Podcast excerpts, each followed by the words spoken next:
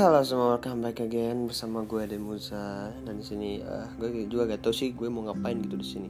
Dan di sini adalah uh, podcast pertama gue di Spotify dan gue ini cuma iseng-iseng aja gitu karena ya kegabutan yang bermanfaat itu kan baik itu kalau bisa kenapa enggak? Dan ya jadi gue sih uh, sekarang cuman mau kayak ngebahas kecil-kecil aja lah ya kayak uh, apa ya kayak tentang remaja-remaja gitu. Tentang usia-usia remaja tentang masa-masa SMA dan kebetulan banget ntar aku uh, gue ngos-ngosan gue aduh. Dan kebetulan banget gue adalah lulusan corona ya. Sedih kalau bilang sedih enggak juga sih. Karena nggak UN gitu. Kalau bilang seneng enggak juga gitu. Kenapa? Karena nggak ada perpisahan cu. Ya gue tuh udah berharap banget gitu kan dulu itu. Ya lihatlah perpisahan kita sangat indah dan banyak foto dan kenangan manis yang akan kita selalu ingat dalam hidup kita. Asik. Udah bayang seperti itu gitu kan. Dan kemudian semua itu lenyap dalam hitungan hari. Pada waktu itu hari minggu tepatnya hari senin itu gue ingin uh, apa ya gue ingin bilang gitu ke teman-teman teman-teman ayo gitu kan. Siap-siap untuk melewatkan ujian pertama kita. Yaitu adalah ujian praktek gitu. Ya ada pengumuman. Harap murid-murid sekalian dikarenakan adanya pandemi virus corona dan ada uh, surat bencana nasional maka sekolah diliburkan selama dua minggu. Ya gue sama temen gue aduh padahal kita ini udah siap gitu untuk menuju ke SMA dengan ya mati-matian. Tapi menghilang dengan sekejap kayak kayak klik gitu kayak wah menghilang aja gitu. Nah ya kan?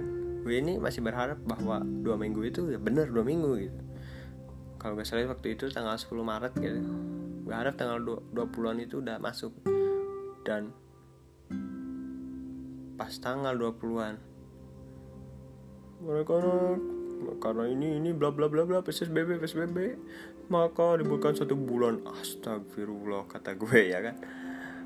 Gue itu apa ya kayak seneng seneng karena libur ya. Karena sebelumnya sekolah terus mungkin jenuh juga. Tapi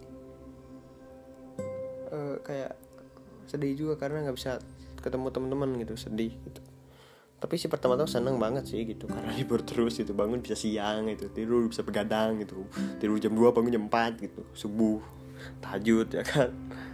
Nah tapi kemudian gue tuh lama-lama berpikir setelah pandemi ini berjalan satu bulan dua bulan. Kayak kenapa sih gitu? Kayak apakah gue adalah angkatan paling sial di muka bumi ini di seluruh peradaban dunia alam semesta kenapa? Gitu. Nggak ada perpisahan masalahnya cu. Kayak kita itu uh, keluar SMP daftar SMP itu kayak apa ya kayak gitu kayak selintas doang gitu nggak ada kenangannya gitu. Kayak zaman zaman ospek itu kayak masa-masa ospek itu online. Bayangkan gitu. Kita disuruh untuk mengikuti semua kegiatan-kegiatan uh, dari osis tetapi secara online secara daring ya sama aja gitu kayak kita disuruh untuk uh, belajar piano tapi gak ada gurunya gitu. Kita harus belajar sendiri aja gitu inisiatif aja. Kalau kalau nggak inisiatif ya gak bakal bisa gitu. Sama aja kayak belajar dari ini sekarang. Kalau misalkan lo gak bisa ya siapa yang bisa disalahin? Guru nggak juga. E, orang tua nggak juga. Tapi yang bisa disalahin adalah lo sendiri ya. Kenapa? Karena balik lagi gitu. Belajar itu kan balik lagi ke niat dan visi lo masing-masing gitu. kalau visi lo ingin uh, meningkatkan nilai matematika ya lo bakal belajar matematika itu secara inisiatif gitu secara otodidak mungkin atau les atau apa gitu. Tapi kalau enggak ya gak apa-apa sih. Nah yang gue lihat dari pandemi ini gitu menurut gue pandemi ini adalah kesempatan atau opportunity kalau bahasa Inggris untuk kita meningkatkan skill dan apa yang kita ingin tingkatkan gitu. Kayak misalkan kita ingin jago gambar gitu. Nah, kan kalau di kalau misalkan zaman zaman sekolah gitu kan e, berangkat jam 7 balik jam 4 sore atau jam maghrib gitu mana ada waktu gitu. Soalnya waktu itu e, kita pulang maghrib malam buka HP nggak ada waktu untuk belajar malah ngerjain tugas ngerjain pereng belum gitu. Walaupun kita mau belajar untuk gambar pun itu mepet-mepet gitu. Karena capek sih sebenarnya lebih ke capek fisik gitu capek mental. Karena ya dipus terus ayo ayo kerjakan tugas kami hahaha kayak gitu misalkan ya. Dan kita terus ditekankan kepada semua mata pelajaran gitu kan kan uh, di SMP eh di SMA gue ada 15 gitu mata pelajaran dan gue harus bisa semuanya. Itulah memang 15 mata pelajaran tugas terus numpuk dan wow itu kayak pressure yang luar biasa sih menurut gue. Bahkan guru pun kalau disuruh untuk uh, belajar semua mata pelajaran belum tentu sanggup gitu. Tapi gue aneh aja gitu kenapa orang-orang atau siswa-siswa ini bisa gitu untuk menghandle semua mata pelajaran. Kalau gue sih pribadi gue gak bisa gitu. Karena pikiran gue itu nggak hanya cuma belajar aja gitu. Masih banyak hal yang harus gue pikirkan kayak ya hubungan dengan orang tua hubungan teman hubungan dengan kerabat atau terus dengan passion kita dengan hobi kita atau ya banyak lah gitu hal lain yang harus dipikirkan juga. Dan banyak pertanyaan yang timbul gitu. Oh kita kan udah belajar 15 mata pelajaran semua nih ya. Nah nanti kita ke mana ya kalau udah lulus? Nah ini dia. Gue ini gue cuma beropini aja ya. Gue itu cuma melihat apa yang gue lihat gitu. Membuat perspektif sendiri tentang apa yang gue lihat gitu. nah ada kalanya di saat lo gak bisa semua mata pelajaran itu baik. Kenapa? Gue mau kasih pengalaman aja ya. Ini adalah cerita uh, teman kakak gue. Di uh, teman kakak gue ini ya bisa dibilang uh, cerdik atau pintar sekali di semua mata pelajaran gitu. Kayak wow itu IQ 200 250 juta gitu. Kayak wow itu kayak semua itu jago gitu. Kayak hebat gue udah berapa kali ngomong kaya sih? Udahlah jangan pakai kaya lagi. Nah si teman kakak ini teman kakak gue ini dia itu lulus sama kayak kakak gue gitu. Tetapi di saat dia daftar ya ini kayak kebingungan gitu. Udah ngomong kayak lagi aduh. Ayo ayo. Uh, ya balik lagi. Uh, jadi pas dia memilih prodi atau jurusan yang ingin dia ambil ya itu kayak kebingungan. Kenapa kebingungan? Karena nih rapotnya ternyata bagus semua teman-teman. Oke? Paham kan? Nah sedangkan ada kakak gue yang ya bagus gitu di satu mata pelajaran dan dia bisa gitu untuk fokus untuk meraih cita-citanya dalam satu bidang itu dan satu temennya ini yang bisa semuanya dia itu malah bingung dan memutuskan untuk nganggur dulu. See? The different?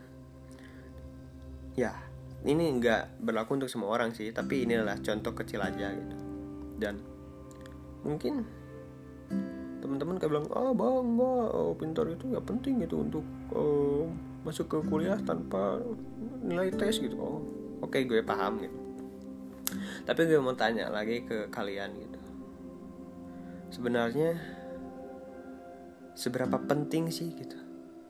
Nilai itu? Oke nilai emang penting untuk kita berada di dunia pekerjaan. Oke gue paham. Tetapi teman-teman punya nggak uh, sebuah uh, nilai yang baik di dalam raport kamu gitu. Tetapi kamu itu gak punya kemampuan atau kapasitas di uh, bidang tersebut gitu. di atau di pelajaran itu. Misalkan lo matematika oke okay, let's say 95 lo dites misalkan uh, ya gak matematika sih kayak PJOK deh ya penjas gitu. Lo nilai 98 misalkan. Terus waktu lo ya emang secara teori misalkan lo bagus tetapi nah ini ada tetapinya. Kenapa? Karena gue pikir teori dan keterampilan ini adalah eh, dua hal yang sangat kontras. Kenapa? Secara teori oke okay, dari dulu emang nggak banyak yang berubah gitu. Teori-teori ya dari zaman dulu memang seperti itu saja. Gak ada perubahan atau yang hal yang besar gitu yang signifikan sampai sekarang nggak. Tapi secara keterampilan atau secara real life gitu. Sepak bola emang dulu uh, kayak gak pakai sarung tangan. Sekarang pakai sarung tangan. Dulu dari kulit sekarang udah pakai ya kayak karet gitu. Banyak hal yang di real life atau keterampilan itu yang sebenarnya itu lebih penting dari sekedar teori. Dan ini orang-orang yang ya mungkin belum ngerti gitu. Karena uh, gue pikir teori itu adalah nomor dua. Yang nomor satu adalah pengalaman dan kenyataan. Yang ya yang langsung aja gitu di lapangan gitu. Kalau misalkan teori seperti bla bla bla tapi di lapangan tidak ya salah teori itu. Kayak nggak bukan salah sih lebih tepatnya nggak kepake gitu teori itu. Soalnya di lapangan faktanya seperti ini. Ya bisa dimengerti kan? Kayak oke okay lah let's say lo emang jago teori tapi gue udah nyebur nih di dunia ini dan ternyata nggak kayak yang lo bilang. Ternyata lebih sulit gitu. Begitulah menurut gue ya. Maka di sini yang gue cuma sampaikan kepada teman-teman gitu. Uh, misalkan teman-teman punya nilai rapot yang kecil oke okay, gak apa-apa gak masalah teman-teman tetapi teman-teman ini punya keterampilan di suatu bidang yang mungkin banyak orang suka atau menjadi peluang untuk kesuksesan. Misalkan teman-teman jago sulap. Jangan malu jago sulap. Misalkan beda teman-teman ah orang lain masuk ke bla bla bla ke ya aku universitas ini universitas itu. Nggak apa-apa teman-teman karena teman-teman eh, jangan jadi yang ba lebih baik atau jangan jadi yang terbaik tapi jadilah yang beda. Kenapa? Karena eh, yang baik pasti ada yang lebih baik tapi yang beda belum tentu ada yang berbeda. Ya simpelnya kayak eh teman lo lebih baik. Dan lo mencoba untuk lebih baik teman lo. Oke lo lebih baik.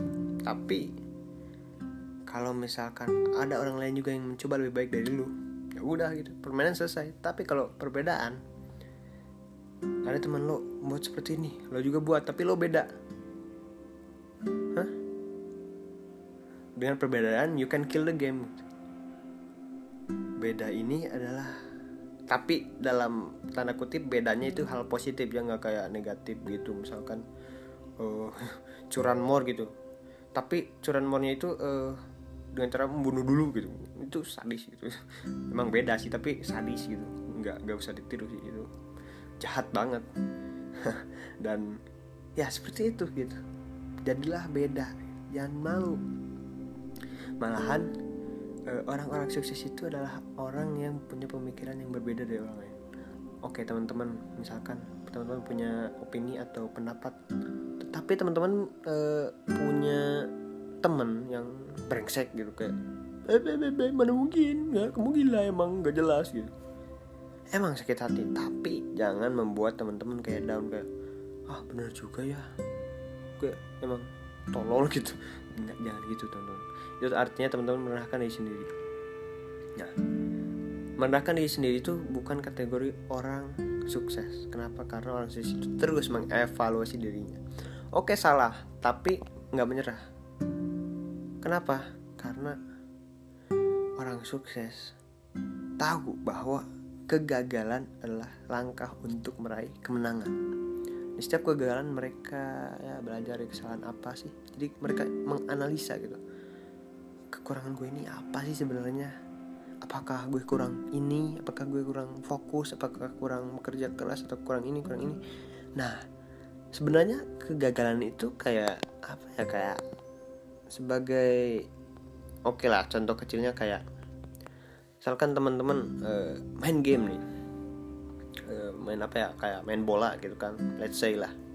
Teman-teman pakai Real Madrid gitu. Melawan Juventus dengan mode hard atau sulit. Nah, teman-teman mencoba mainkan itu permainan. Ternyata di match pertama ini teman-teman kalah 5-0 ya dibantai. Nah teman-teman mungkin ada yang kesel ada yang diem aja gitu atau bodo amat dan ada yang kayak anjir gue gue kalah 5-0 nih. Gimana nih? Gue harus uh, mengalahkan Juventus ini yang kampret ini ya. Nah teman-teman harus bisa jadi orang ini yang bisa uh, membuat uh, kegagalan ini menjadi suatu evaluasi ya. Nah oke. Okay, lanjut di match kedua 3-0 mengurang ya. Pembantaiannya berkurang lah gitu syukur-syukur gitu. Nah ada yang menyerah sekali lagi ada yang bodo amat gitu dan ada yang mengevaluasi gitu. Dan dia juga mikir kok masih 3-0 tapi lumayan lah ya. Uh, seenggaknya ya defense gue lebih baik sekarang. Oke okay, match ke tiga. Kalah tapi cuma 1-0 syukur gitu. Aduh kalah lagi. Kayaknya gue kurang ini deh kurang apa kurang efektif dalam di depan gawang gitu. Pertandingan keempat mereka kok mereka sih? Dia mencoba uh, apa ya mencoba taktik dengan semua kegagalan kegagalan kegagalan kegagalan yang sebelumnya. Tiga match terakhir kalah tapi dia menganalitik menganalisa ini Juventus apanya sih bikin menang 5-0 gitu. Dia menganalisa dia membuat ya membuat sedikit catatan gitu kan. Lalu dia mencatat poin-poin penting lalu dia mengeksekusinya di match keempat. Dan boom dia menang 3-0 dari Juventus ini. Yang asalnya 4-0 itu kenapa? Karena itu adalah pantang menyerah. Sekali lagi pantang menyerah. Dan belajar kesalahan. Dan itulah teman-teman contoh kecil dari eh, belajar dari kesalahan. Oke okay lah kayak eh be tapi uh, banyak pressure kayak banyak cemoohan gitu. Beda kalau di kehidupan nyata banyak cemoohan baliknya anggap saja semua cemoohan itu adalah sebagai bus atau cuman kayak tantangan aja gitu kan gini ya. Kalau misalkan teman-teman nggak bisa menerima kritikan atau uh, saran ya saran mah harus diterima sih. Tetapi kayak kritik lah ya. Kritik anggap saja kritik ini sebagai bahan bakar gitu. Kalau nggak ada kritik lo pasti malas-malasan aja gitu kayak wah gue bang jago nih gue bang jago gitu. Enggak jadi kritikan ini adalah kayak uh, kayak nyentil lo gitu. Pak gitu. Woi cuk sadar gitu. Lo salah sini gitu. Malahan orang-orang seperti ini tuh peduli sama lo. Dan lo harus bisa uh, mengkonversi kritikan-kritikan ini supaya lo bisa menjadi lebih baik gitu dan ini suatu ujian kenapa? Karena kalau misalkan lo kritik aja gak bisa nerima lo gak bakalan bisa maju guys. Dan kritikan itu kayak memang dibutuhkan gitu untuk membuat kita tumbuh menjadi orang. Dan bersyukurlah kalau masih ada orang-orang kritik. Karena kalau misalkan lo dikacangin itu lebih sakit bu. Sumpah. Ya. Orang dikacangin itu kayak karya lo dikacangin kayak suwe emang nggak ada yang peduli. Oke teman-teman kayaknya itu aja lah untuk pembahasan tentang hmm, kegagalan dan belajar dari kegagalan. Gue Demuza dan terima kasih. Selamat jumpa di podcast selanjutnya. Bye bye